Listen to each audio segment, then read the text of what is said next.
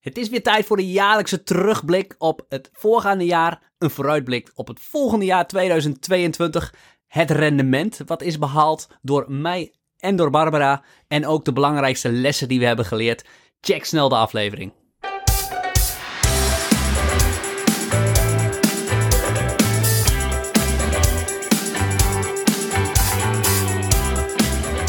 Leuk dat je luistert. Mijn naam is Rowan. En mijn naam is Barbara. En vandaag een terugblik en vooruitblik. Ja, we gaan kijken naar het beleggingsjaar 2021 en we gaan vooruitblikken, hoewel je natuurlijk niet de toekomst kan voorspellen. Dus ja, in hoeverre kunnen wij nou echt vooruitblikken naar 2022? Maar we gaan het toch doen. En we gaan het ook heel kort even hebben over ons ondernemersjaar, ons persoonlijk jaar. Een heel mini beetje, maar natuurlijk niet te veel, want we zijn en blijven een beleggingspodcast. Dus we gaan kijken naar het afgelopen beleggingsjaar. En we gaan je rendement prijsgeven. En jouw rendement. Nee, mijn rendement gaan we het niet over hebben. Nou, wel wat lessen. Nee. Nee? Ik wil niet, volgens mij kan ik niet eens mijn koffie betalen dit jaar van de rendement. Ah. Het het maakt niet uit. Het is jouw debuutjaar als, als belegger in losse aandelen. Ja, dat zeker. Dat zeker. Het is me niet zo goed bevallen. Ja, het, het is wel leuk, toch? ik denk wel dat ik een leuker jaar heb om over te vertellen dan jij. Hoezo? Ja, er gebeurde gewoon meer bij mij. Ja, ja, ik ben die iets saaiere dode belegger. Jij maakt wel wat mee. ja, ik heb wel voor spektakel eh, gezorgd. Ja. Ja, ik heb wel een aantal leuke voorbeelden. Die kunnen we nog wel even kort aanhalen. Oké. Laten we beginnen met een kort terugblik naar 2021 als beleggingsjaar. Wat waren de meest opvallende dingen? Ja, voor mij heel belangrijk. De implosie van story stocks en de SPACs en IPO-bubbel. Begin tweede, het is, lijkt al heel lang geleden, maar begin 2021 ging het er alleen maar over. We hebben er ook een podcastaflevering gehad over SPACs, dus we gaan het niet uitleggen hier. Maar de bedrijven die naar de beurs gingen met een mooi verhaal, een story stock, ja, dat heeft zich dramatisch gepresteerd dit jaar. En dat is, eh, ja, die bubbel is helemaal leeggelopen. En de, ja, de, de wetenschap wijst het al heel lang uit dat ze heel slecht presteren, gemiddeld op de lange termijn. Dat waren mensen even vergeten. En nu blijkt dat weer de werkelijkheid. Oké, en nu hoor je er inderdaad ook niks meer over. Niks hè? Nee. Nee. Of jij nog wel? Nee, echt ook niet. Ja, af en toe een nieuwsberichtje, maar eh, niet... eh, Niet meer Nee. zo de, de alle beleggingsachtige dingen die je maar opent, dat daar spak of story stock. Ja, het verhaal was even dat je daar dus geen geld mee kan verliezen met een spak. Ja, dat blijkt dus wel te kunnen. Ja. ja, jij zit nooit in spaks of wel? Nou, ik sluit het niet uit, maar het- gewoon het hele wetenschappelijk klopt het hele verhaal gewoon niet. Dat een heel slecht bedrijf in een topjaar naar de beurs gaat. Ja, dat gaat gemiddeld niet goed aflopen. Maar het mooie is, een van die story stocks, van die SPACs, wordt natuurlijk een multibagger. En daar zit iedereen op de azen. Oh ja, multibaggers, daar heb ik ook nog wel een leuk verhaal over. Oké, En dat bewaren we voor straks. is goed. Wat waren nog meer de opvallende dingen van 2021? Ja, het inflatiespook is terug. Daar ging het het hele beleggingsjaar eigenlijk over. Inflatie nu 5, 6, 7 procent. Afhankelijk van hoe je het meet. Dus je geld ontwaart best wel snel. En eh, ja, een heel mooi voorbeeld is... eh, kijk, we hoeven dat hele inflatiespook niet uit te leggen. Want iedereen, daar hebben we een aflevering over gehad. En iedereen hoort dat overal en leest het in de kranten. Venezuela, de beurs. Als je een ETF had gekocht op de Venezolaanse beurs... of hoe je het ook uitspreekt... plus 400 procent. Wow, Ja. dat is best lekker. Ja, dat denk je. Ja. Dat is chill. Dat is Ja. chill.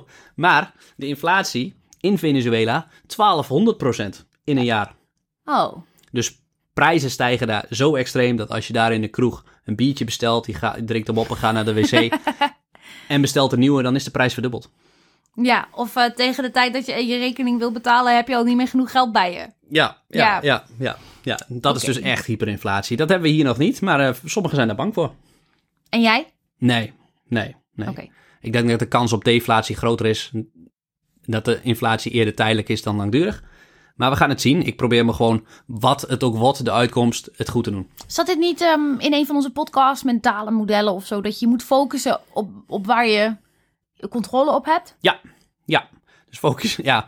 Je wil, informatie heeft alleen waarde als het belangrijk is en weetbaar. Nou, of wat de inflatie gaat worden is mega belangrijk.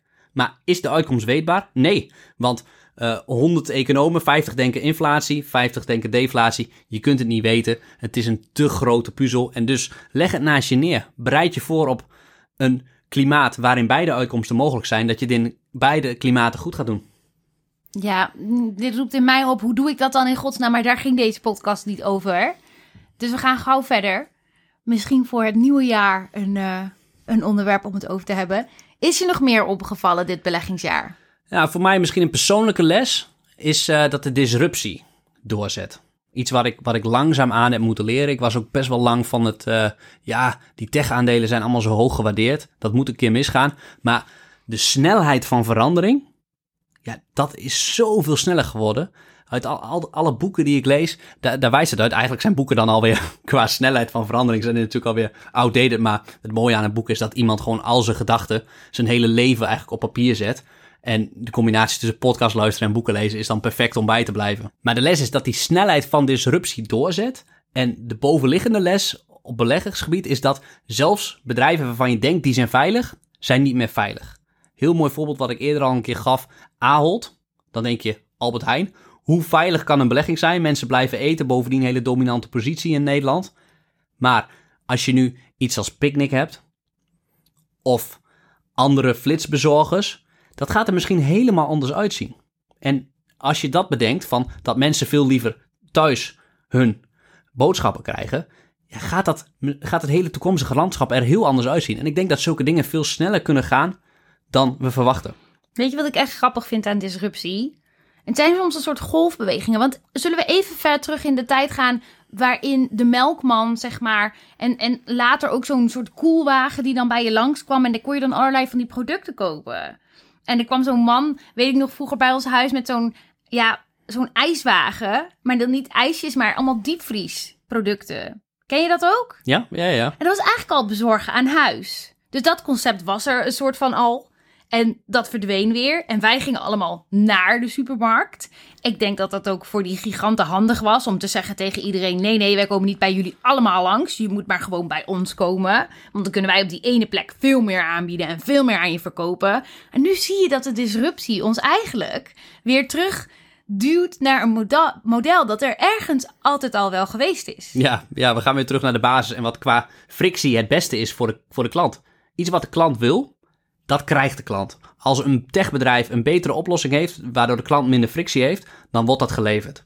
En ja, in die zin is naar de supermarkt gaan voor heel veel mensen een hel. En zeker mensen die druk zijn en mm, gemiddeld misschien meer te besteden hebben, die laten alles thuis bezorgen. Dus de eerste, de winstgevende klanten, die, die, die, die gaan nu al. Wij, wij hebben net op de picknick ook eh, de wachtlijst gezet, hè? We zijn nummer 500, geloof ik. Ja, hadden er niet vorige week ook over dat we gingen zoeken naar eh, zo'n eh, flitsbezorger en dat het er nog niet Ja, was? ja.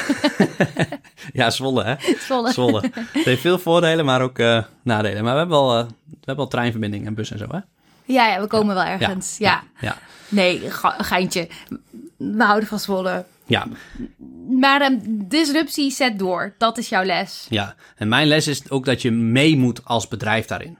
Dat je digitaal native moet zijn. Dat moet in de kern van je bedrijf zitten. Als je dat niet hebt, als een Unilever niet op big data zijn, zijn dingen gaat aansturen, ja, dan ga je eraan. Big data. Big data, big data. Ja. Big data, Ja. big data. Net een foute rap. Ja. big data. Ja, in het verlengde, je moet heel erg als belegger, waar je in belegt, kijken of technologie in je sector een vriend of een vijand is. Dus als je het hebt over de Unilevers en Nestlé's van deze wereld, is dan technologische ontwikkeling de vriend of de vijand van je als belegger? Mooi. Dat is een mooie filosofische vraag om naast je aandeel van keuze te leggen. Ja, Want als het je vijand is en iemand anders gaat je disrupten, of kan het misschien nog wel beter doen, of kan makkelijk instappen met zijn eigen techniek, nou, dan is het wat risicovoller. Als je manieren ziet waarop tech jouw aandeel vooral kan versterken, of, of nog beter kan maken of wijder kan verspreiden. Maar dan nog moet je jezelf natuurlijk wel de vraag stellen: ja, gaat het bedrijf waar ik nu kijk degene zijn die die verspreiding gaat doen? En als dat niet zo is, wat is dan het gevolg van het feit dat iemand anders dat gaat doen? Ja. Word je dan overruled bijvoorbeeld? Ja. Want ergens kun je natuurlijk ook denken van, daar hebben we het denk ik vaak over gehad, maar van, van Ahold. Ik denk dat je het vorige keer nog zei, maar dan kun je ook ergens van denken: ja, jongens, hoe, hoe heb je dit niet gezien? En met Bol bezorg je al aan huis. Hoe heb je, dit, hoe heb je die slag gemist dat zo'n gorilla's en al die anderen überhaupt de kans krijgen om in die markt te komen? Hoe bestaat het? ja. Ben je ja. gewoon traag, toch? Dat klopt, maar je kan het niet zien. Ja, dat snap ik niet. Hoezo kan je het niet zien? er zijn weinig managementteams. Bijvoorbeeld een managementteam van Netflix heeft zich heruitvonden. Eerst video's uitlenen en toen naar streaming. Eigen businessmodel killen. Ahold gaat dat niet doen. Die gaan niet zeggen, Albert Nee, Heijn, we, gaan ermee stoppen. Ik wil je tegenin. Ik heb dit volgens mij eerder gezegd. Ik liep stage bij Coca-Cola in 2013, 14 volgens mij. En toen lag daar al zo'n rapport van zo'n stra- strategisch company ding. Volgens mij McKinsey, een van zo eentje. En die zeiden al, het gaat in de nabije toekomst naar bezorging on demand. De klant gaat bepalen wat ze krijgen wanneer ze het krijgen. Nou, gaat mij niet vertellen dat als Coca-Cola toegang heeft tot zo'n rapportje, dat een Ahold dat rapport niet te pakken kan krijgen of zoiets niet ter oren komt. Dat, dat was dus al bekend. Dat was door die strategische partijen gewoon al berekend. Ja, ja. Was al uitgedacht. ja, heel grappig voorbeeld. Ik heb dat boek eh, net uit van Nothing But Net van een tech-analyst. Eh, Mark Mahaney, voor degene die dat wil lezen, met 10 lessen als je wil beleggen in techbedrijven. We gaan ook nog een keer een training geven over beleggen in techbedrijven. Dus daar kan je natuurlijk ook al wachten of het, of het boek lezen. Maar da, da- daar gaat heel erg ook over wie zijn nou de winnaars in zo'n techsector. eBay was bijvoorbeeld van 2000 tot 2010 het e-commerce bedrijf van de wereld. Nederland niet zo populair, maar in Amerika super dominant. Amazon, 2000, 2010, een stuk kleiner op, op basis van alle maatstaven. Maar toen, iets later, zei die CEO van eBay al: shit, Amazon gaat straks alles doen. Die gaat ook de hele bezorging zelf doen. En kunnen naar de klant dus veel snellere bezorging garanderen. Iets wat de klant waarschijnlijk wil. Die wisten dat toen al. Die CEO heeft dat gezegd.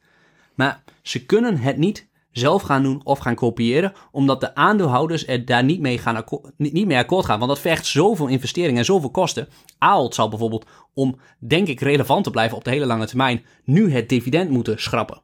Ja, maar dat is toch allemaal al veel eerder moeten doen? Ja, ja, ja. Jij zegt, ja, je ziet dat niet aankomen. Dat zei jij net. En ik zeg dan daar tegenover, ja, volgens mij hadden ze het wel zien aankomen. Ze hebben niet gereageerd. Ja, ja. D- dus hoe kijk je daar dan naar? Ja, en dat is het verschil. Dan, dan zit er iets psychologisch. Ik bedoel met je ziet het niet aankomen. De urgentie voel je nog niet op dat moment, omdat het nog niet om je heen is. En iedereen om je heen zegt, hey, het gaat eigenlijk best goed. Laten we gewoon lekker zo doorgaan. We maken vet veel winst, betalen goede dividenden. We gaan door. Tot in één keer dag 2 aanbreekt en je omringd bent door concurrenten en weggevaagd wordt. Wat zou ik graag een keer de top management team van Ahold, wie daar dan ook precies over ging, een keer spreken en vragen hoe werkt dat nou? Want laten we eerlijk zijn, ik denk dat CEO zijn of, of ook de topmanagementlagen daaronder echt een heel moeilijk beroep is. In de zin van je krijgt zoveel prikkels, zoveel invloeden waar je rekening mee moet houden en waar je moet proberen ja, de beste strategische beslissing te maken. En ehm, ik, ben benieuwd hoe dat op dit onderwerp is gegaan en hoe ze Ja. daarnaar terugkijken. Ik zou het ze heel graag vragen. Nou, heel grappig fenomeen, dit weet jij denk ik. Ik weet niet of ik het ook eerder vertelde in de podcast. Maar de CEO van Picnic en de CEO van Ahold, dat zijn broers. Oh ja, dit heb je denk ik eerder verteld, ja. Ja, Dus misschien kunnen we gewoon die van Picnic te pakken krijgen. Dus ik, ik, ik denk dat die CEO van Ahold het wel ziet wat die broer aan het doen is. En dat ze volledig aan het disrupten zijn. Ik heb een oproep. Lieve meneer van Ahold, ik zou het echt ontzettend gaaf vinden als je met mij in gesprek zou willen over hoe dit werkt. Niet om je te beledigen, maar gewoon om oprechte belangstelling, nieuwsgierigheid te vragen. Leg me uit. Laat me, laat me meekijken in hoe moeilijk jouw beroep precies is en hoe je dan keuzes maakt, want het lijkt me ongelooflijk lastig. En ik zou het zo graag horen van iemand die het zo ver geschopt heeft, hoe, ja, hoe je dat toch doet. Ja, dezelfde oproep van mij aan de CEO van Picnic. en, eh, en dat soort zaken. En de, de CEO die komt, we beloven dat we dan bij diegene nog de komende drie jaar de boodschappen gaan doen.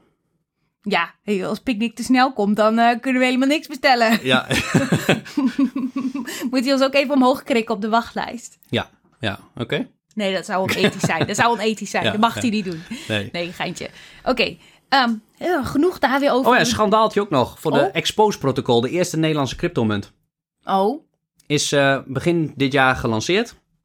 Heeft een marktwaarde bereikt van in totaal 125 miljoen dollar. En is nu ongeveer exact nul waard. Want ze zijn, het project is gestopt. Dus alle investeerders, vooral jonge mensen, ehm, zijn al hun geld verloren. au, au, au, au, au.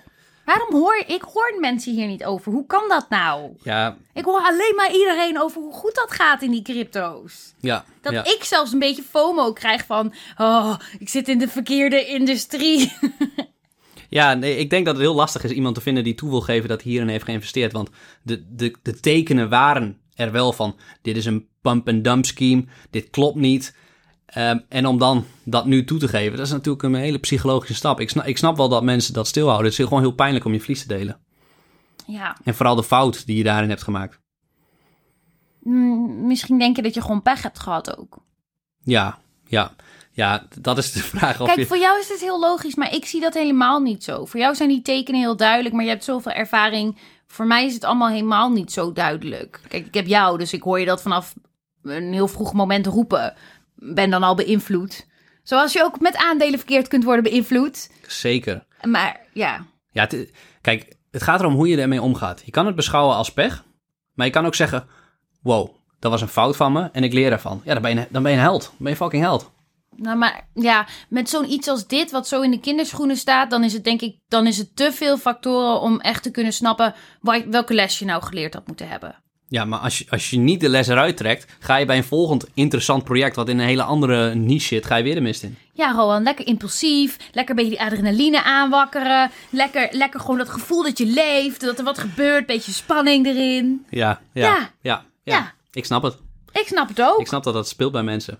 Ja, nou, bij jou niet. Hè. Ik, denk dat, ik ben benieuwd of je voor sommige mensen ook overkomt alsof je gewoon zo lekker stoïcijns bent. Zo een beetje zo altijd hetzelfde. Misschien denken mensen dat wel. Ja, dat is misvatting wat de definitie is van sto stoïcijns. Hè? Wij denken heel erg stoïcijns is iemand die onafhankelijk reageert op emoties. Die, die dat niet boeit. Ja, Maar het is vooral een, een stoïcijn is voor mij iemand die ehm, heel erg focust op waar hij controle heeft en waar hij geen controle op heeft. Nou, als jij hebt geïnvesteerd in die crypto, dat, dat is een beslissing van jou geweest. Daar had jij controle op. Misschien niet op de uitkomst, maar wel op die beslissing. En daar wil je aan werken, want waar je controle over hebt, al dus het stoïcisme, daar wil je aan werken. Waar je geen controle over hebt, we noemen het inflatie, ja, laat het gewoon lekker links liggen. ja. Maar dat is wel heel dub- dubbel. Want je zou dan wel kunnen stellen: ja, maar je hebt wel invloed op hoe je dan omgaat met het gegeven dat er inflatie is en de keuzes die je daar dan aanhangt. Ja, En dan ligt het weer bij jezelf. ja hoe je het verwerkt, dat, dat is inderdaad helemaal aan jezelf. Ja, maar dat is precies weer het vraagstuk. Het feit dat je het niet weet. Hoe kan je nou iets verwerken en zelf keuzes maken bij iets dat je niet weet? Dan is toch gewoon letterlijk de conclusie dat je niet weet wat de beste manier is om te handelen. Ja, maar is het dan, als je het niet weet, zou je dan niet gewoon nog verder moeten graven? Mm, Ja, in een ideale wereld waarin je zeeën van tijd hebt, geen gezin, geen druk werkleven, geen sociale vrienden en waarbij je de, vooral de hele dag achter je computer zit in Wikipedia en down the rabbit hole te gaan Ja. om uit te zoeken hoe het precies zit met inflatie en dan ook nog inflatie in beleggersgebied en hoe je dat dan het beste doet. Nee, Ja, antwoord ja. is nee. Ja, ik, ik, ik heb die fouten in het verleden ook gemaakt met het uranium mijnbouw ETF, waar ik, waar ik nog in 2011 nog belegd heb. Ja, dat was gewoon een hele domme fout. En bovendien ging... een tienjarig jubileum vieren? Ja, ja, ja. dat was een, eh, niet, zo'n, eh, niet, niet zo fraai, maar de fout voor mij was vooral dat ik daarna alles ging uitzoeken hoe dat in de uraniumsector zat. Ging de Financial Times helemaal van A tot Z doorpluizen en dat was in het nieuws die kernramp van Fukushima. Dus alles uitpluizen, super interessant natuurlijk. N- nu zie ik veel mensen alles uitpluizen over inflatie, daar allerlei informatie over vergaren. Maar je bent dan dingen aan het doen wat uiteindelijk geen nut heeft. Sterker nog, het is schadelijk, want je steekt je tijd in dingen die er niet toe doen. Althans, ik snap dat het voor je gevoel ertoe doet. Maar als je echt naar kijkt en gaat naar die basisvoorwaarden van... is deze informatie belangrijk? Is deze informatie weetbaar? Ja, dan kan je bijna alles schrappen. Ik heb recent, zoals je weet, geen financieel dagblad meer. Daar ben jij heel erg blij mee, want dan kunnen wij de dag eh, gezellig samenstatten... In, in plaats van dat ik gelijk in de krant duik. Maar ik, ik, ik ga dat blijven doen, want ook in een financieel dagblad... dan denk je, wow, daar staat informatie in, dat maakt mij een betere belegger. Dat is niet zo. Het is allemaal vergankelijke informatie. Het is geen informatie met waarde. Alles wat daarin staat heeft misschien een week later al geen waarde meer. Lees maar eens oude financiële dagbladen terug. Ja, dus eigenlijk verspeelde jij je tijd, terwijl je die tijd ook gewoon met mij door kon brengen. Ja, ja, ja. ja. En ook zeggen, ja, met financieel dagblad lezen is wel heel leuk en heel ontspannen. Maar dat is natuurlijk tijd met jou doorbrengen ook. Ja, is toch leuk en ontspannen? Ik zag ja. even je gezicht veranderen. Ja? Ja. Oké. Volgens mij eh, was dit ons terugblik. ja, in het kort, een jaar waar eigenlijk niks gebeurd is. Net als elk ander beursjaar. Nou, het was nog steeds een coronajaar. Ja, ja, ja. En, en als ik jou mag geloven, wat je echt door het hele jaar geroepen hebt, is de gratis geldshow. Ja, ja die lijkt nu, eh, lijkt nu bijna afgelopen. Hè? Want eh, de centrale banken gaan eh, begin, in, zeker in Amerika, gaan ze 2022 de eerste renteverhogingen doen. Oké, maar interessanter is natuurlijk wat ze hier in Europa gaan doen. Mm, ja, het, het staat wel sterk in eh, verbinding hoor. Dus als Amerika gaat verhogen, ja, dan eh, stijgen rentestanden in Europa waarschijnlijk ook wel. Omdat, ja, als je als pensioenuitvoerder een hoger rentepercentage in Amerika kan kan krijgen, ja, ga je daar doen en dan is er minder vraag naar Europese obligaties en dan stijgt die rente. Oh ja, dan krijg je dus weer de, de ehm, meest basic economische lessen. Misschien is het leuk als je nog een keertje... want jij was natuurlijk economiedocent. Daar, daar komen we zo op. Want dat hoorde eigenlijk een beetje bij je persoonlijke jaar. Je was natuurlijk economiedocent. Misschien kunnen we een keer, voor de mensen die dat leuk vinden... even de belangrijkste economische lessen doen. Een, gewoon een simpel gratis webinar. En dan doen we even de meest basic economische lessen herhalen... die je ooit, weet ik hoeveel jaar geleden... op de middelbare school hebt gehad. Of misschien nog wel helemaal niet hebt gehad. Leggen we dat even kort weer uit. En, en dan natuurlijk wel met een link naar beleggen. Ja, Dat is toch hartstikke leuk om te doen? lijkt me, lijkt me heel, vaak, heel, heel gaaf. Ik leg het graag uit. Ja, en dat kun je ook goed. En, en ja, het, het ligt wel ten grondslag aan alles beleggen. Oké, dus daar ga, ga ik een keer een training over geven. Ja, niet, training klinkt allemaal te zwaar. Gewoon even samenkomen met z'n allen, even gewoon En dan, praten. doe jij wat, en dan Ja. doe jij wat uitleg Ja. geven over hoe het nog maar allemaal precies zat met eh prijs, keer, aanbod en dat soort eh, Ja, die ja. inflatie, nominale waarde, dat soort dingen. Alles wat maar relevant is voor ja. beleggen. Fisher. Wie? Fisher. Oké, nou daar komen we dan in die les weer op terug. Je moet duidelijk ook weer naar die les toe. Ja, dat is wel leuk. Was dat het? Eh, ja, dat was het eh, qua terugblik. Oké, ja, maar we laten dus even achterwege dat het een coronajaar was. Maar ik, ja, het was natuurlijk wel redelijk vergelijkbaar met het jaar ervoor. hè? Mm, ja, ja. Nou, er was natuurlijk de hoop van eh, het vaccin dat het deze zomer allemaal klaar was. Dat is dus niet zo. Nee, En als mensen dit over twee maanden luisteren, is het waarschijnlijk weer een hele andere situatie. Dus ja, kunnen we nog een, kunnen we nog wel een coronadiscussie doen over het overheidsbeleid. nee, alsjeblieft niet. Maar we kunnen hiermee wel naar het volgende jaar vooruitblikken. Want corona is nog niet weg. Zal ook in 2022 niet weg zijn. Ja. Sterker nog, we zitten nog steeds in lockdown tot 14 januari. Boe. Ehm, dus het is nog steeds niet helemaal weg. Dus het gaat ook 2022 vormgeven. Ja, Mag ik je heel even vragen hoe je daarnaar kijkt? Nou, het economische effect van corona wordt natuurlijk wel steeds minder. Nu hebben we een lockdown, wat verschrikkelijk is voor de ondernemers die getroffen zijn en dergelijke. Maar als je naar het gehele land kijkt, qua economische schade, is het, is het inmiddels bijna verwaarloosbaar. Sectoren die wat hard getroffen zijn, maar ook heel veel anderen die profiteren. Per saldo is het gewoon prima voor de economie. En eh, dat, dat gaat steeds minder worden, want we, weten, we, regelen gewoon manieren om ermee om te gaan. Als land en als bedrijf. Oké. En eh eventjes eh, even goeroe spelen, vooruitblikken.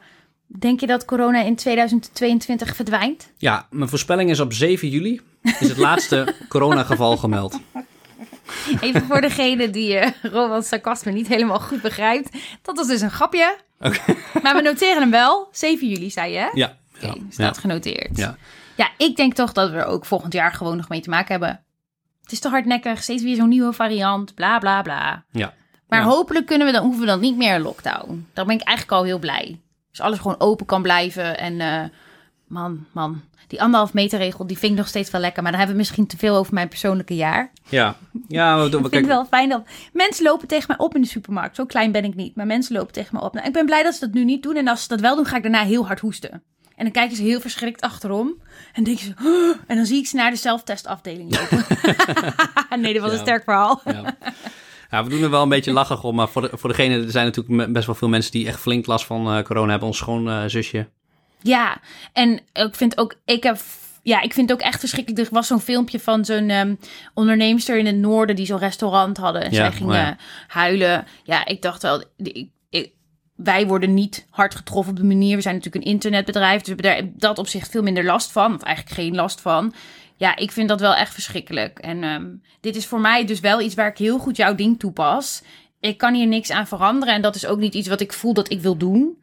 Maar ik vind die maatregelen wel heftig. Ja, Maar goed, Ja. meer wil ik eigenlijk niet over zeggen, want dan gaat, worden wel nog zo'n tragische podcast. Maar ja, dat wil ik wel gezegd hebben. Ik leef ontzettend mee met die ondernemers die dat... we steken vanavond een kaarsje op.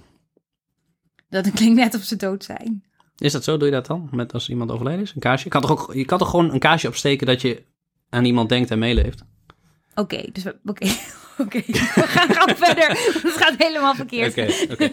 Vooruitblik? Ja, Ja. vooruit, vooruitblikken is nog moeilijker dan terugblikken.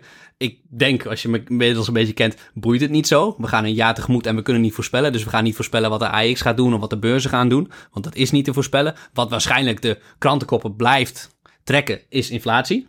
En de renteverhogingen, als je het hebt in ieder geval op, eh, op macro-economisch gebied. Chinese overheid, wat gaat die doen? Is natuurlijk eigenlijk nog vergeten qua terugblik. Maar dat heeft wel echt impact gehad. Ook op mij persoonlijk.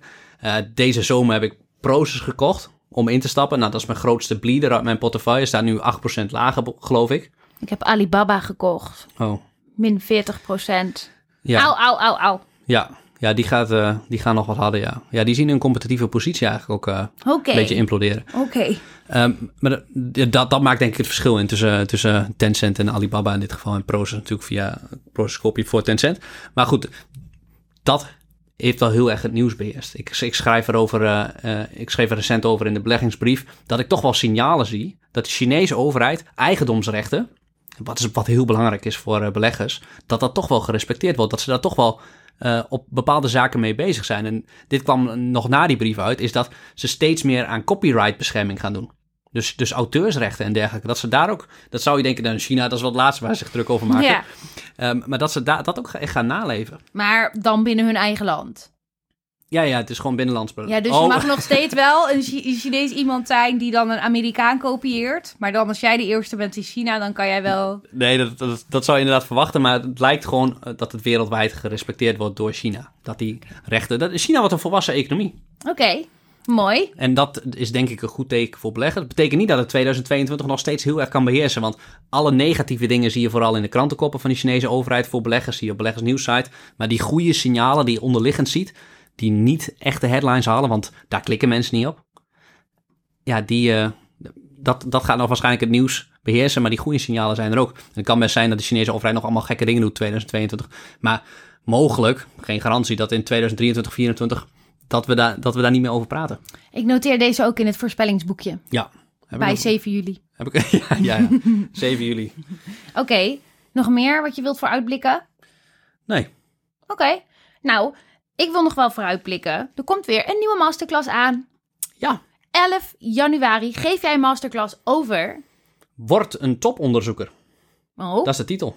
Dat is de, de pakkende titel? Ja, ja, het is een kleine masterclass in de avond, anderhalf uur. Maar hoe je zelf praktisch onderzoek leert doen achter je computer. Uh, hoe je aandelen selecteert, waar je op wilt letten. Ik ga gewoon ook heel veel de praktijk laten zien. Ik ga gewoon mijn scherm laten delen waar, waarin ik dingen, bepaalde dingen in het jaarverslag vind.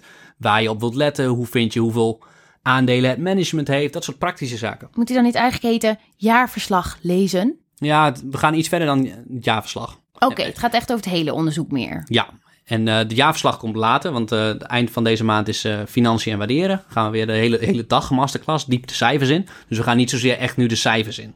Oké, ja, voor de mensen die nieuwsgierig zijn, we zijn druk bezig om ons programma voor volgend jaar op de site te zetten. Maar dan moet alles werken, alle linkjes achter al onze systemen. Dat zijn er nogal wat. Al die systemen praten met elkaar. Maar dan moeten we wel allemaal goed inrichten. Zodat jullie, als je wat bij ons koopt, dat, dat, dat je dan ook alle mailtjes ontvangt die je moet krijgen. En de toegang krijgt die je nodig hebt, et cetera. Dus we zijn dat op dit moment aan het klaarzetten.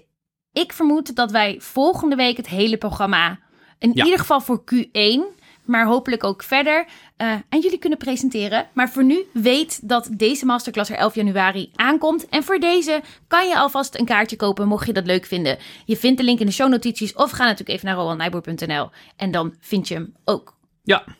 Oké, dan was dat tot zover ons terugblik op het beleggingsjaar en ons vooruitblik, of niet? Ja. Zijn we nog iets vergeten? Niet per se. Nee. Het rendement. Ja. Ja. Zouden we dat haast vergeten? Ai, ai, ai, ai. Oké, gelijk doen. Ja. Wil je mijn rendement? Ja. Nou, het jaar is dus nog niet afgelopen, maar tot nu toe staan we op 34,7% netto in euro's gemeten. Oké, en wat vinden we daarvan?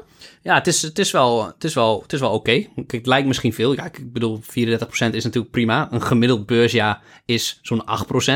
Dus wat dat betreft beter. Hoog. Ja, maar als je daar. Kijk, het is wel eerlijk om het af te zetten tegen andere indexen. Uh, bijvoorbeeld de AX staat nu op 27%. De Nasdaq iets lager, 22%. Bitcoin 75%. Is geen index, maar ik dacht ik noem het even. Nou ja. Heeft toch, uh, heeft toch uh, een stuk beter gedaan. Uh, Dow Jones ook 20%. Um, die, die wordt bijvoorbeeld gemeten in dollars. En ik meet mijn rendement in euro's. En dit jaar is de dollar zo 8, 9 procent meer waard geworden. En aangezien ik 60 procent van mijn portefeuille in dollarbedrijven heb, ja, heb je daar gewoon een extra meewind. Oké. Dus, Dus, jou, dus ik heb, door, door, die, door die wisselkoers valt het nog fictief iets hoger uit qua rendement. Ja, en dat, dat heeft best wel impact als je dus 8% meewind krijgt eh, en 60% van je portefeuille zit daarin. Ja, dat heeft dan wel impact. En kunnen we dan nu concluderen dat je tevreden bent? Of matig? Of wat, wat vind je hiervan? Dat is moeilijk te peilen zeker. ja. Ja. Met het rendement eh, maakt me niet zo heel veel uit. Het gaat vooral om of de onderliggende bedrijven het goed gedaan hebben. Zijn die competitieve posities nog verstevigd? Het is jammer dat mensen mijn eye-roll niet kunnen zien. Dit is het eh, logische verhaal. Oh. Ja. Ja, Vertel nou eens wat je ervan vindt. ja ik, heb, ik, heb, ik heb er niet zo'n mening over. Een, een jaar doet er niet toe. Het, Ja, gaat, het, gaat, het, gaat, het gaat om de komende 30 jaar. Dat je, ik wil over zo'n Nou, periode de index verslaan. Ik vind het moeilijk te geloven dat als jij ieder jaar naar een verlies van zeg um, 15% keek, dat je dan nu nog zou blijven beleggen. Nou, Dus ik snap je theorie, je belegt voor de lange termijn. En dus zou je theoretisch gezien in 2023 alles gehalveerd kunnen zien worden. En vanaf daar nooit meer herstellen. Het zou allemaal kunnen. Maar er zit wel ook een korte termijn prikkel aan. Anders zou je nooit doorgaan. Tenminste, het zou zelfs dom zijn als je tien jaar lang achter elkaar alleen maar negatief rendement maakt. Zonder dat je snapt waarom. Of dat het gewoon echt slechte beursjaren zijn. Dat je dan nog zou beleggen. Ja, dat is niet logisch. Ik denk niet dat je dat zou doen. Ik denk dat je dan je plezier vindt. Dat is net als een bepaald spelletje dat wij niet meer willen spelen. Oké, nee. ik niet meer wil spelen. Oh ja, keer op keer heet dat. Ja, Ja. voor degenen die het kennen, dan moet je van die vakjes aankruisen. Nou, als iemand geluk heeft met dobbelstenen, dan is het Roan. Hij zegt dat het strategie is. Ik geloof niks Ja, van. is- vind je poker een geluksspel? Deels, ja. Weet je nog wat ik in het casino verloor met eh, een hartepaar, Ja, ja. azen? Ja, Nou, ja, dus ik vind het een geluksspel. Mm. ja een goede, goede speler weet wanneer die monsterkaarten moet weggooien. Ja, oké. Nou, ik denk ook niet dat je lang aan de pokertafel blijft zitten als je alleen maar verliest. Ja, Het zit hem in de kick dat je kan winnen en je wilt ergens wel voelen dat je een keer kan winnen. ja. Zo ja. werkt het casino toch ook? Af en toe, zeker als je een nieuwe klant bent, keren ze je een keer uit. Want dan ben je hooked. Als je alleen maar naar het casino komt en je draagt al je geld weg en het gebeurt je een paar keer, dan denk je, ja, hier kom ik nooit weer. Dit is niet leuk. Ja, maar stel dan dat ik, dat ik, dat ik dit jaar een negatief rendement had gehaald. Ja, dan is het één jaar. Oké, maar wat, wat heeft het voor mij voor nut om daar dan misselijk van te zijn? Om daar... Wat, maakt dat uit? En wat maakt het ook uit dat in die zin de bitcoin het veel beter heeft gedaan dan mij? Het bo- boeit mij niet. Ik, ik, ik heb mijn eigen systeem en daar, Ja. daar, daar hou je aan vast. Ja, ik snap het allemaal wel. Ja, Oké, maar dat is wel heel rationeel. ja. ja. Kijk, ik denk dat ik er zwaar misselijk van ben als ik twee, drie jaar op rij de index niet versla. In een positief beursjaar. Dus stel, de, ja, dus de index doet het. Oh nee, jij wilt gewoon verslaan. Dus ook als hij negatief is, wil jij het gewoon minder negatief doen. Ja, ja, Ja. dan ben ik tevreden. En dat klinkt misschien gek. Als ik 10% in de min ga en de AX gaat 20% in de min, ja, ben ik, ben ik blij. ja, Ja, ja. dit snap ik wel. ja ik ben, en ik ben in de zin wel competitief. Ik wil wel de index verslaan. Ik zie dat als mijn soort van... Ja, dus ben je best een beetje trots nu. Het is dit jaar gelukt. En ik, ben- ik ben ook wel trots. Ik denk dat ik ook minder risico's neem. Eh, ik heb bijvoorbeeld ook nog een cashpositie van 5,7% op dit moment. Dus mijn rendement wordt eigenlijk best wel gedrukt ten opzichte van de index. Een indexfonds is natuurlijk altijd vol, vol belegd. Dus ik, ik, ik ben wel trots op. Ja. Oké, oké. Dames en heren, ik heb het voor jullie geprobeerd. Dit was het, eh, zoveel reactie als ik eruit Ja, kreeg. kijk, ik ben trots op mijn 11 jaar track record. Niet op een 1 jaar track record. Oké. Oké, hier doen we het mee. Oké. En jij dan? Ben jij trots op je eerste beleggingsjaar? Niet op je rendement, maar op je, op je beleggingsjaar. Nee, want ik moet echt, echt de flauwe conclusie trekken dat ik beter kan gaan index beleggen. Het was, ik deed geen fundamenteel onderzoek. Ik keek niet genoeg naar de, alle omliggende factoren. In die zin deed ik maar wat. Dat heb ik gezien en gevoeld ook. En eh, er zaten natuurlijk een aantal entertainende dingetjes tussen. Wat ik denk voor de podcast misschien wel heel leuk was. Zoals mijn Snapchat avontuur. Die eh, volgens mij kocht ik hem in het begin van het jaar ergens. Ja. En ik zag hem met 40% stijgen. En eh, toen kwamen de Q3-cijfers. En toen stort het hele kaartenhuis in elkaar. En nu sta ik negatief Ja. ten opzichte van mijn aankoop. Nou, dan hadden we nog zo'n Hoeja, de Bakel, Chinees bedrijf. Chinees bedrijf. Die heb ik voor, we hadden het even opgezocht. Ik had hem voor 18, 18 dollar gekocht. Ja, begin dit jaar. En toen heb je hem verkocht voor 11 dollar. ja, volgens mij hebben we het daar uitgebreid over gehad in de podcast. Ja. Dat dat psychologisch wel moeilijk was. En Ja. eh, dat ik dat toch moest doen. Gedaan. En nu hebben we het net even opgezocht. Gewoon voor de leuk. Hebben we het toch goed aangedaan, hè? Want eh, Ja, hij is bijna weer gehalveerd. ja, hij staat op 6 dollar. Ja, ja, dus het is ja. toch mij mooi wat geld bespaard Ja, gebleven. weet je nog waarom je hem toen verkocht had? Die beslissing genomen om dat verlies toen te pakken? Ja, volgens mij had je me er doorheen gecoacht. Oké. Dat En- ik gewoon eigenlijk fundamenteel niks wist over het bedrijf. Dat ik eigenlijk ook niet wist waarom ik hem zou moeten houden. Dus dat, ja, dat het sowieso Ja. een verkoop Nou, was. een mooie beslissing. Ondanks dat je dus verlies pakt, is dat een hele mooie beslissing geweest. Dus je bent eigenlijk, eigenlijk heel erg gegroeid. Ja, misschien. Je hebt de, de, de, de foute beslissing was het kopen. En je hebt hem eigenlijk gecorrigeerd door het te verkopen. En je verlies te realiseren. Fantastisch. Ja, wijze les geleerd. Ja, Nou, en dan wil ik het even hebben over mijn... eh, volgens mij had ik mijn trekker al genoemd. Mijn eh Nasdaq trekker. Ja. Die deed het dus heel goed. Maar er zat Ja. een stukje van 2020 eindejaar nog in. En ik, ben, ik doe mee met die multibaggers. Kijk, dat vind ik dan toch wel... Ik ben toch wel een beetje sensatiebelegger dan.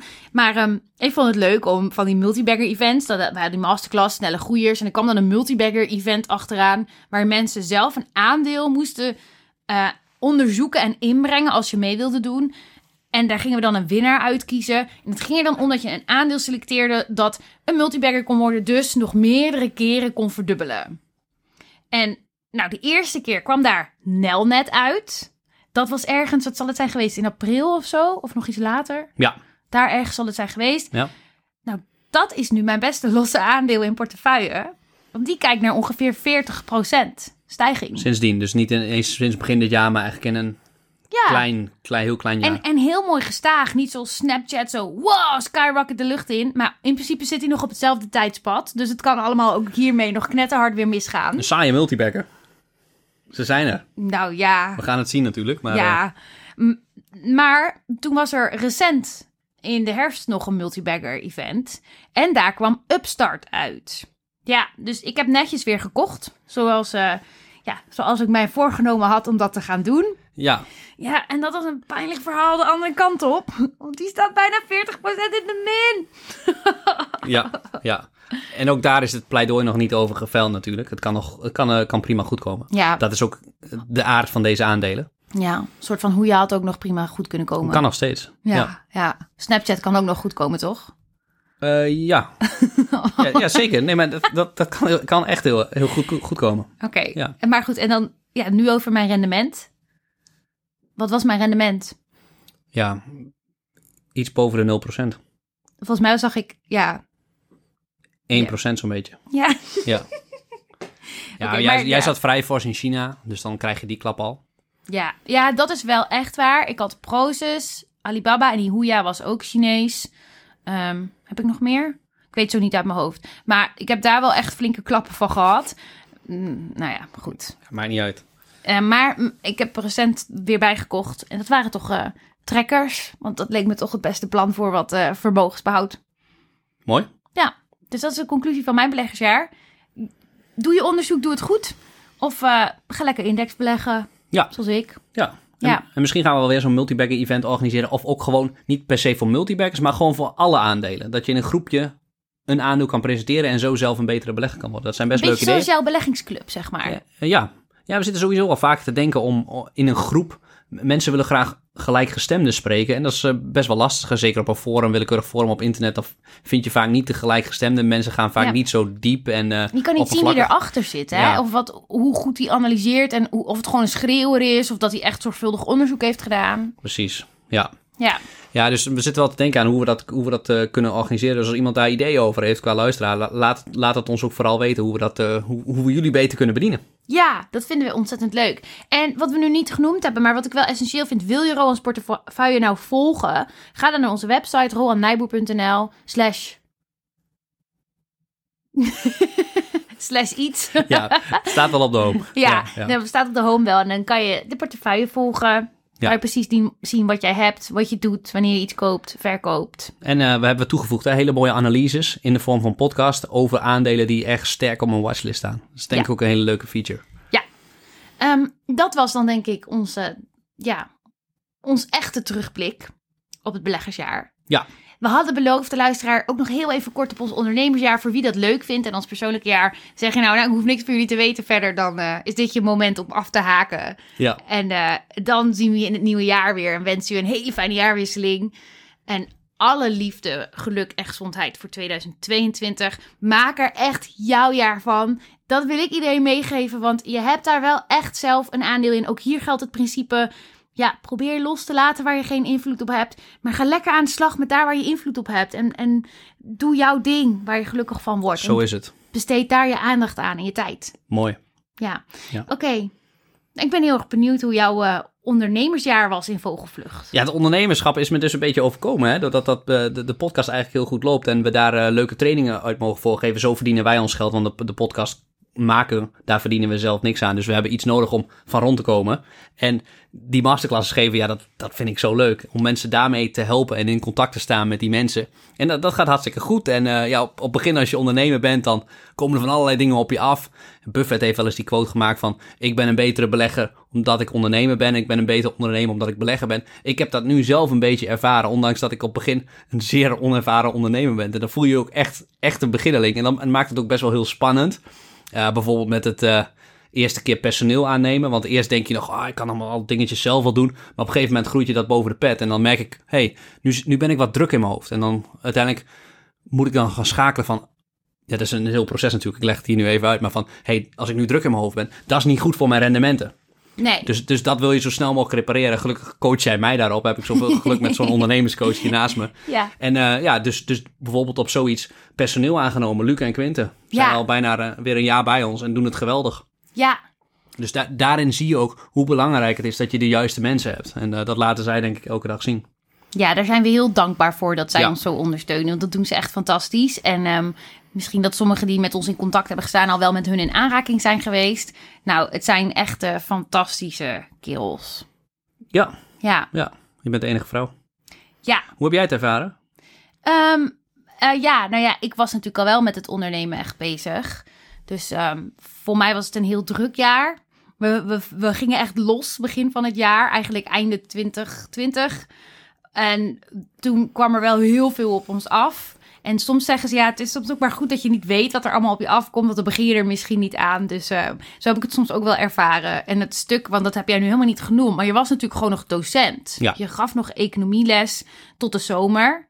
Je hebt netjes het schooljaar eigenlijk afgemaakt, maar dat was wel echt heel druk. Ja. Alles ja. tegelijk, de, Ja. het beleggen, um, de delen ondernemen, alle trainingen waren sommigen echt nog van scratch aan het opbouwen. Die bestonden toen nog niet.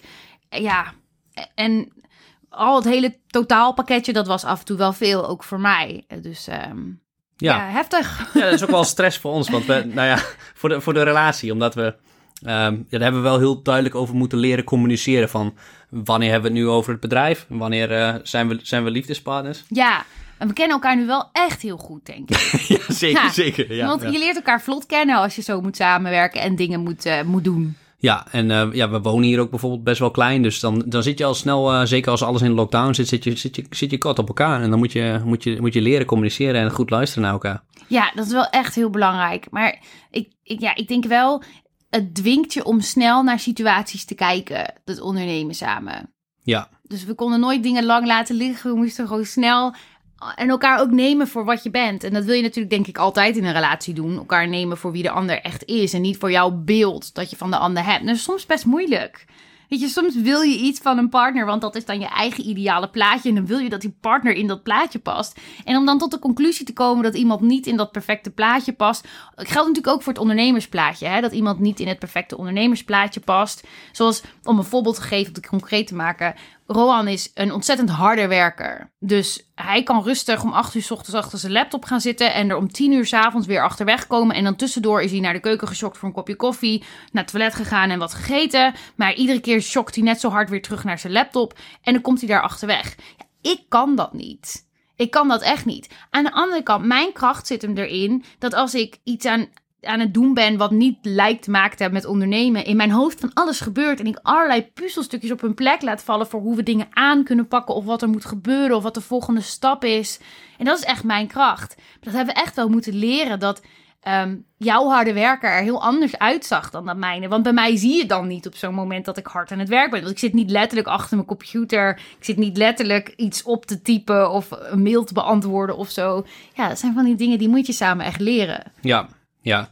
Ja, ik heb, ik, in het begin heb ik wel eens gedacht, en dat heb jij misschien wel eens gevoeld, dat ik dat, je dat, dat ik dat dan zag als lui zijn. Van kom op, je, je kan toch gewoon ervoor kiezen om achter die com- computer te kruipen en aan de bak te gaan. Dit, dit doet me gelijk denken aan een quote van Bill Gates, heel vroeger al, van ja, ik neem liever... Kijk, je bent, je bent niet lui, ik geloof dat niemand lui is, maar de quote gaat over, ik neem liever een lui iemand aan, omdat die een slimme manier vindt om de taak gedaan te krijgen. Ja, En eh, ja, dat ben, dat ben jij. jij. Jij je bent heel slim en creatief daarin in het ondernemerschap. Ja, en ik denk dat we ook wel een andere overtuiging daarin hadden, hoe we naar ondernemen keken. Jij was heel erg van zelf hard bikkelen en doorzetten. En ik was heel erg van hoe pak je dit slim aan? En ook gewoon een beetje plat. Ik wil sommig werk niet doen. Ik word er gewoon echt niet blij van. Echt heel ongelukkig. En dat is voor mij een signaal dat ik denk: oké, hoe ga ik zorgen dat dit werk wel gedaan wordt? Kun je het automatiseren of standaardiseren? Ehm, of moet je er iemand anders voor inhuren die dat dan voor je doet? Dan word je daar misschien wel heel erg blij van dat iemand anders dat voor je doet. En ik, ik denk daar dat soort dingen wel heel slim over na. En, en jij bent iets meer van, eh, ja, gewoon doorbikkelen, doorbikkelen. Ja, ja. Maar uiteindelijk zitten we maximaal uren in de week. En ik loop dan, kom, maar- ik, ik heb me altijd gered met doorbikkelen. Maar op een gegeven moment loop je dan gewoon tegen je grens aan. Als je niet die dingen gaat uitbesteden. Ja, En je, en je doet allemaal dingen waar je niet gelukkig van wordt. En je bent er niet goed in. Ik ben eh, super slecht in heel veel dingen qua ondernemerschap. Dus eh, ja, dat moet ik ook vooral niet gaan doen. En nu heb ik het weer goed, in ieder geval goed ingericht. Dat ik, dat ik voornamelijk beleggen kan. Wat? je wordt ook wel gedwongen om je eigen skills heel goed te zien.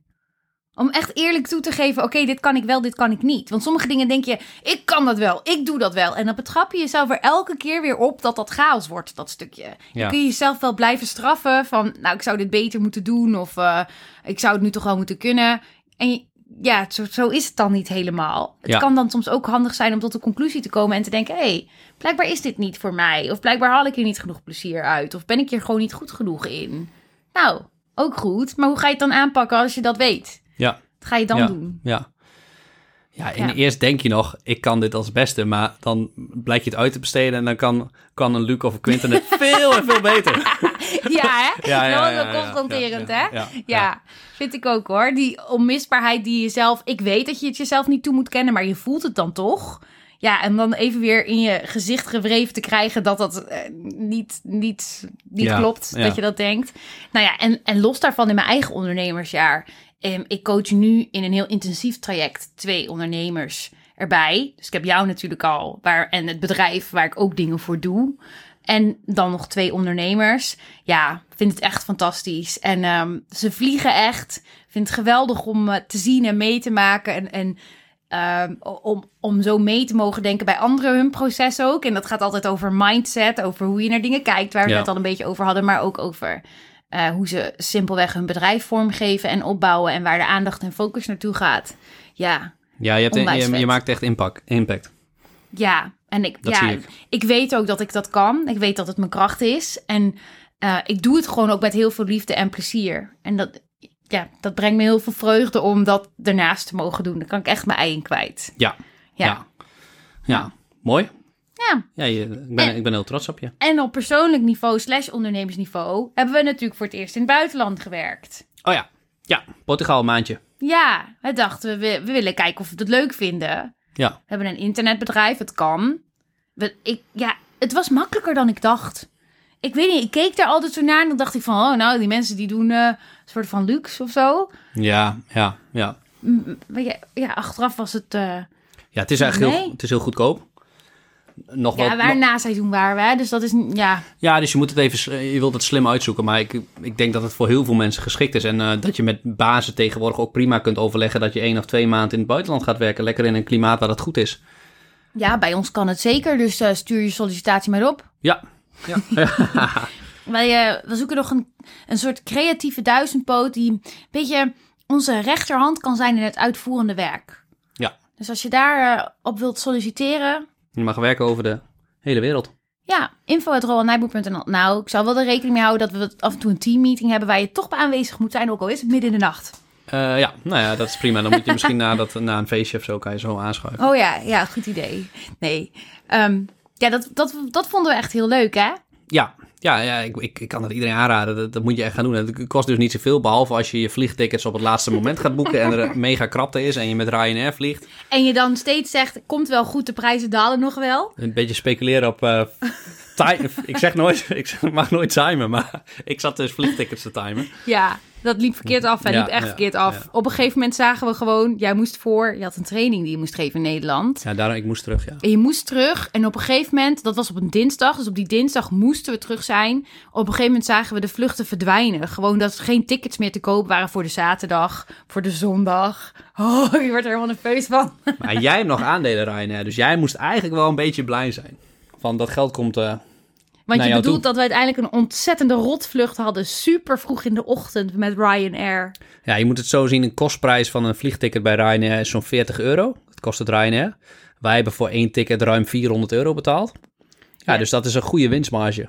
Ja, doe maar even huilen. Ik hoop dat je hier ook een les van geleerd Ja, dat hebt. was, dat was ellende, ja. maar goed, wel, eh, wel komisch. Nou ja, helemaal niet komisch, maar goed. Volgende keer misschien met de auto of zo. Maar goed, ehm, ja, ik, ik wil niet dat mensen denken dat wij zo'n luxe leventje rijden. Want dat is helemaal niet zo. We wonen hier in Zwolle op een eh, appartement van 50 vierkante meter. En willen elkaar soms, omdat het zo klein is, achter de behang planken. We hebben geen behang, maar gewoon eh, in, in, in, in de kast drukken. Ja, precies. En ehm, ja, dus we, we, we, hebben, we, hebben, we hebben niet zoveel, hè. We hebben niet zoveel materialistische dingen. Ehm, En, en we zijn ook vooral in het bedrijf aan het investeren. En nu begrijp ik ook die, eh, die snelle groeiers op de beurs beter. En ik heb ook veel meer respect eigenlijk voor ondernemers gekregen. Ik moet dan, zo erg maken wij het dan nog niet. Want dan denk ik aan eh, Richard Branson in zijn, in zijn boek over ehm, Virgin. Hoe heet dat boek nou? Ja, Je hebt Losing My Virginity of ja hij heeft er meerdere. Maar dat, dat is is hem eentje, ja. volgens mij niet. Nou ja, dat Gaat niet, bestaat niet. Oh ja. En, en daar vertelt hij dan over hoe het allemaal begonnen is met Virgin. De, wat begon als een zaken, een pla- platenzaak. Of Dus echt cd's en zo nog. Mm, en dan vertelt hij ook hoe ze echt jaren hebben gebikkeld vanuit een soort eh, studentenkamertje. En maar werken en maar werken. Ja, eigenlijk moet je het boek van Phil Knight, de oprichter van Nike, gaan lezen. Dat is Ja? ook dat is een prachtig verhaal. Dan, denk- dan denk je, wow, het het is zo vaak op het rij... Of, of die van Tesla, die ik al benoemde aan het begin. Had jij nog boekentips? Ja, zoveel tips.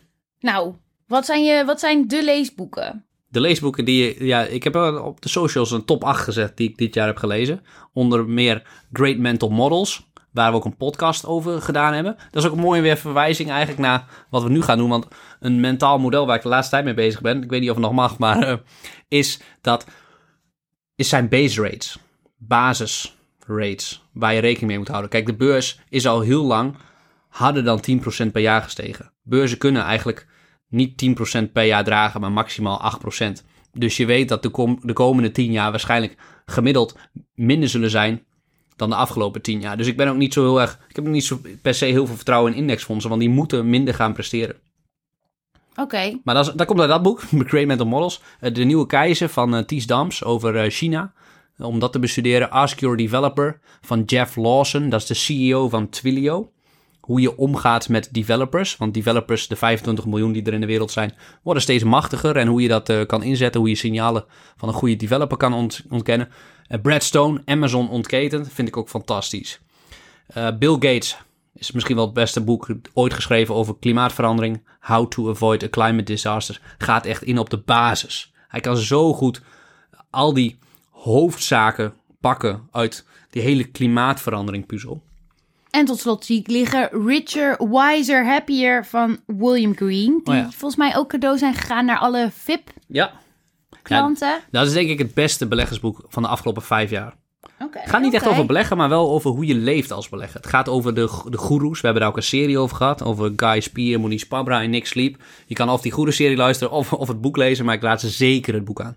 Oké, nou als je ook VIP wil worden, dat kan. 1 februari start er een traject. Kijk even op de website. Dan kun je nog meedoen. Ehm, ik wil ook een boek aandragen. Ik weet eigenlijk niet zeker meer of ik het wel dit jaar gelezen heb, maar ik wil hem toch noemen. Dat is The System van eh, James Ball. Ja, En dat ging over het internet. En dat vond ik zo inzichtelijk. Gewoon een uiteenzetting van hoe het internet tot stand gekomen is. En waarom dus niemand het internet heeft. Waarom niemand eigenaar van het internet is op dit moment. En hoe dat dan precies gaat. En hoe dat er in Amerika uitziet. Volgens mij is de schrijver Amerikaans. Nou, hoe dat dan gaat, dat dat dus de oceaan over moet. Ehm, gewoon heel inzichtelijk. Ja, Gewoon een soort uiteenzetting. En dan had ik nog is een mooi boek, ja. Ik had volgens mij nog één boek dat ik wou delen. Ja, dat gaat totaal niet over beleggen of zo, of ondernemen. Maar ik vond het zo'n leuk concept. Het is de Middernachtbibliotheek van Matt Haig. En eh, hij schrijft over het concept, het idee dat een vrouw in een middernachtbibliotheek komt en soort van alle grote levensbeslissingen die ze heeft genomen nog een keer kan nemen. Dus dan heeft ze bijvoorbeeld ergens besloten om, eh, om met een vriendje uit te maken. En dan gaat ze naar die middernachtbibliotheek en daar komt ze dan met waarom heb ik het met hem uitgemaakt? En dan springt ze naar het leven waarin ze het niet met hem heeft uitgemaakt. En hoe haar leven er dan had uitgezien. En dus de vraag natuurlijk, is dat leven beter dan het huidige leven? Dus het gaat een beetje over de zin van het leven en ehm, terugkijken naar alle beslissingen die je ooit genomen hebt. En eigenlijk ook hoe je niet weet hoe een beslissing nu, nu, nu lijkt van ja, ik had het toen anders moeten doen. Hoe je eigenlijk helemaal niet weet of, of dat echt goed was afgelopen als je het toen anders had gedaan. Gewoon even een fascinerend eh, boek voor je manier van denken en kijken naar de wereld. Klinkt heel interessant. Bedankt. Nee, ik vind die system wel mooi. Dat was wel echt een leuk boek. Ja, die heb jij ook gelezen, hè? Ja, maar nu geven we iedereen eigenlijk een hele boekentips mee. Misschien kunnen we wat vaker volgend jaar ook een boekbespreking doen in een hele aflevering. Doen we. En voor degene die nu denkt, ja, eh, dat is leuk, ik zit in de auto, ik kan al die boeken niet meeschrijven en dan moet ik alles zo meteen nog een keer luisteren, daar heb ik geen zin in. Ga dan even naar community.roannijboer.nl, want de boekenlijst staat in ieder geval gedeeld op de community. Dus daar kan je hem zo vinden en dan kan je zo opslaan. En dan heb je zo'n lijstje met boeken die je kan lezen. Mooi. Ja. Dit was het, denk ik. Volgens mij ook. Ik wil, ik wil iedereen ontzettend bedanken. Volgens mij is er, ik zat net even te kijken, 350.000 keer dit jaar geluisterd naar eh, onze podcast. Het zijn niet 350.000 mensen, maar 350.000 keer is er geluisterd. Ja, En dat, eh, dat raakt me, dat vind ik ontzettend eh, warm en heel waardevol. En alle reacties die mensen geven op de mail of tijdens een training of even op Instagram. Ja, is fantastisch. Ja, ik vind, ik vind dat ook echt vind elke keer weer heel bijzonder als mensen hun waardering voor ons werk uitspreken. Want ja, uiteindelijk stoppen we er gewoon heel veel liefde en tijd in. En proberen we echt iets moois voor de mensen neer te zetten. En we hopen dat we dat goed doen. En dat is af en toe gewoon, we zijn ook maar mens. Gewoon leuk om te horen dat je het goed doet. Ja, Ja. En wil gewoon echt iedereen bedanken die ons Ja. support en die vertrouwen in ons heeft en die het leuk vindt om eh, met ons interactie op te zoeken op wat voor manier dan ook, of onze training te volgen of eh, iets anders. ja, fantastisch. Ben ik zo dankbaar voor. Ik wil jou ook heel graag bedanken. Dankjewel. De aflevering met jou zijn eigenlijk, vind ik het allerleukste. Ja, Ja. ja. ik vind ook de afleveringen met jou. grapje, grapje. ja. Nee, ik wil jou ook bedanken. En ehm, volgens mij heb ik nu de toon wel gezet voor een hele mooie jaarwisseling. Ja. Waarin je terugkijkt op een jaar en vooral dankbaar bent voor de hele mooie dingen. Loslaat wat er minder mooi was. En vooruitkijkt naar wat je van 2022 wilt maken. En even stilstaat bij wat je nou echt belangrijk vindt. En daarvoor gaat. ja. En on that note wil ik jullie, jou, lieve luisteraar, echt ontzettend bedanken. En hoop ik dat we je weer mogen ontmoeten in 2022. Ik sluit me daar helemaal bij aan. Beleggen is maar bijzaak. Het gaat om de echte dingen, daar, daar doe je eigenlijk op. En eh, heel erg bedankt. En een heel goed 2022.